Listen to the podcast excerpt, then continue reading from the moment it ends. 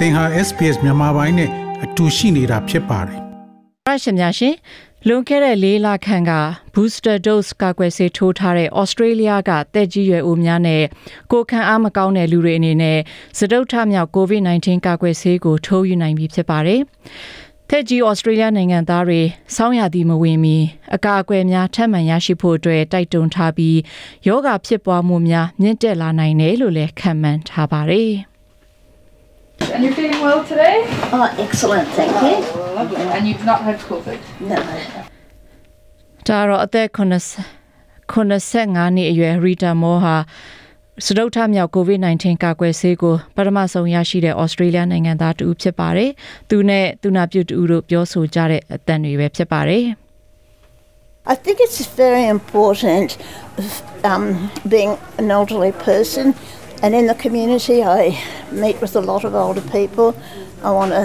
save them from တက်ကြီးရွယ်အိုတူဖြစ်ရခြင်းဟာအလွန်အရေးကြီးတယ်လို့ကျွန်မထင်ပါတယ်။ကျွန်မဟာတက်ကြီးရွယ်အိုများစွာနဲ့တွေ့ဆုံပြီးသူတို့ကိုကိုဗစ်ကူးစက်ခြင်းကနေကယ်တင်ခြင်းနဲ့လို့ပြောသွားခဲ့ပါတယ်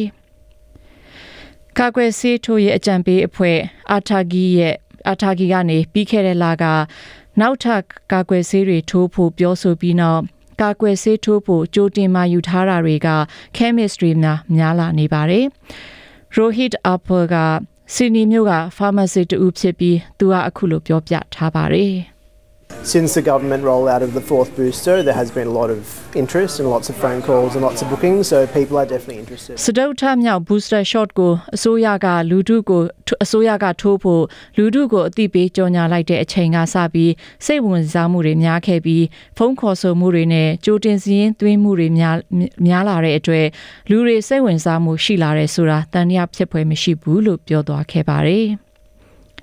ဧပြီလ၄ရက်ကစပြီးအသက်65နှစ်နဲ့အထက်ရှိသူတွေစတုထအကျိန်ကာကွယ်ဆေးထိုးချင်ရင်ထိုးနိုင်တယ်လို့အသက်50ကျော်ဌာနေတိုင်းသားတွေခုခံအားကျနေသူတွေနဲ့တက်ကြီးရွယ်အိုတွေအပြင်တက်ကြီးရွယ်အိုတွေအပြင်မတန်ဆွမ်းသူတွေနဲ့စောင့်ရှောက်ရေးဂီဟာတွေမှာနေထိုင်သူတွေလည်းကာကွယ်ဆေးကိုထိုးနိုင်ပြီဖြစ်ပါတယ်။ တတိယကြိမ်သို့မဟုတ် COVID-19 ကူးစက်ခံရပြီးနောက်၄လအကြာမှာထပ်လောင်ထိုးဖို့အကြံပြုထားတာဖြစ်ပါတယ်။ဒေါက်တာ Charlotte Hepsby ဟာ Royal Australian College of General Practitioner က New South Wales နဲ့ ACT ရဲ့ဥက္ကဋ္ဌဖြစ်ပါတယ်။ As we get older, we don't mount as good a response to the vaccine nor to the infection. So we need ကျမတို့တွေအသက်ကြီးလာတာနဲ့အမျှကာကွယ်ဆေးသို့မဟုတ်ယောဂပိုးကိုတုတ်ပြန်မှုမှာခါတိုင်းလိုတုတ်ပြန်မှုကာမကောင်းတဲ့အတွေ့ယောဂကိုတုတ်ပြန်မှုမြင့်တုတ်ပြန်မှုအားမြင့်တင်ဖို့ခုခံအားစနစ်ဆက်လက်နှိုးကြားမှုရှိအောင်ဆက်လက်ပြီးတတိပေလှုပ်ဆောင်ရတာလို့ပြောဆိုထားပါတယ်။အခုလောလောဆယ်အရွယ်ရောက်ပြီးသူ68ရာခိုင်နှုန်းကသာတတိယအကြိမ် COVID-19 ကာကွယ်ဆေးထိုးထားကြတာဖြစ်ပြီးစတုထမြောက်ကာကွယ်ဆေးကိုတခြားလူတွေကိုကြက်ကြက်ပြက်ပြန့်ထိုးပေးဖို့တော့အစီအစဉ်မရှိသေးပါဘူး။အနာဂတ်မှာ COVID-19 ဟာကမ္ဘာ့ကပ်ရောဂါအစားနိုင်ငံအလိုက်ယာသီအလိုက်ကင်တွယ်ရမယ်တုပ်ကွေရောဂါလိုပဲဖြစ်သွားနိုင်တယ်လို့ဆရာဝန်တွေကပြောဆိုကြပါတယ်။တချို့လူတွေကစတုထမြောက်ကာကွယ်ဆေးထိုးကြဖို့အစိုးရကတိုက်တွန်းတဲ့ booster drive အချိန်ဟာနှစ်စဉ်တုတ်ကွေးကာကွယ်ဆေးရတဲ့အချိန်နဲ့တိုက်ဆိုင်နေပြီးစတုထမြောက်ကာကွယ်ဆေးထိုးတဲ့လူတွေအနေနဲ့ကိုဗစ်ကာကွယ်ဆေးရောတုတ်ကွေးကာကွယ်ဆေးကိုပါနှစ်ခုစလုံးထိုးတဲ့တယ်လို့ဒေါက်တာ Hespi ကပြောပါတယ်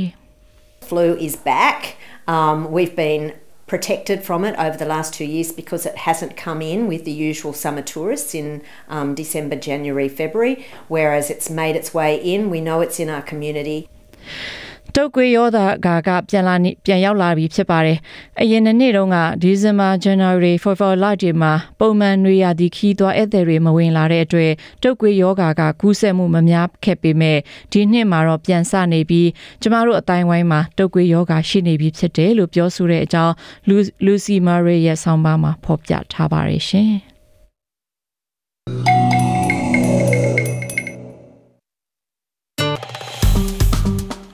SPS မြန်မာပိုင်းကို Facebook ပေါ်မှာ like ရှာပြီး like မျှဝေမှတ်ချက်ပေးပါ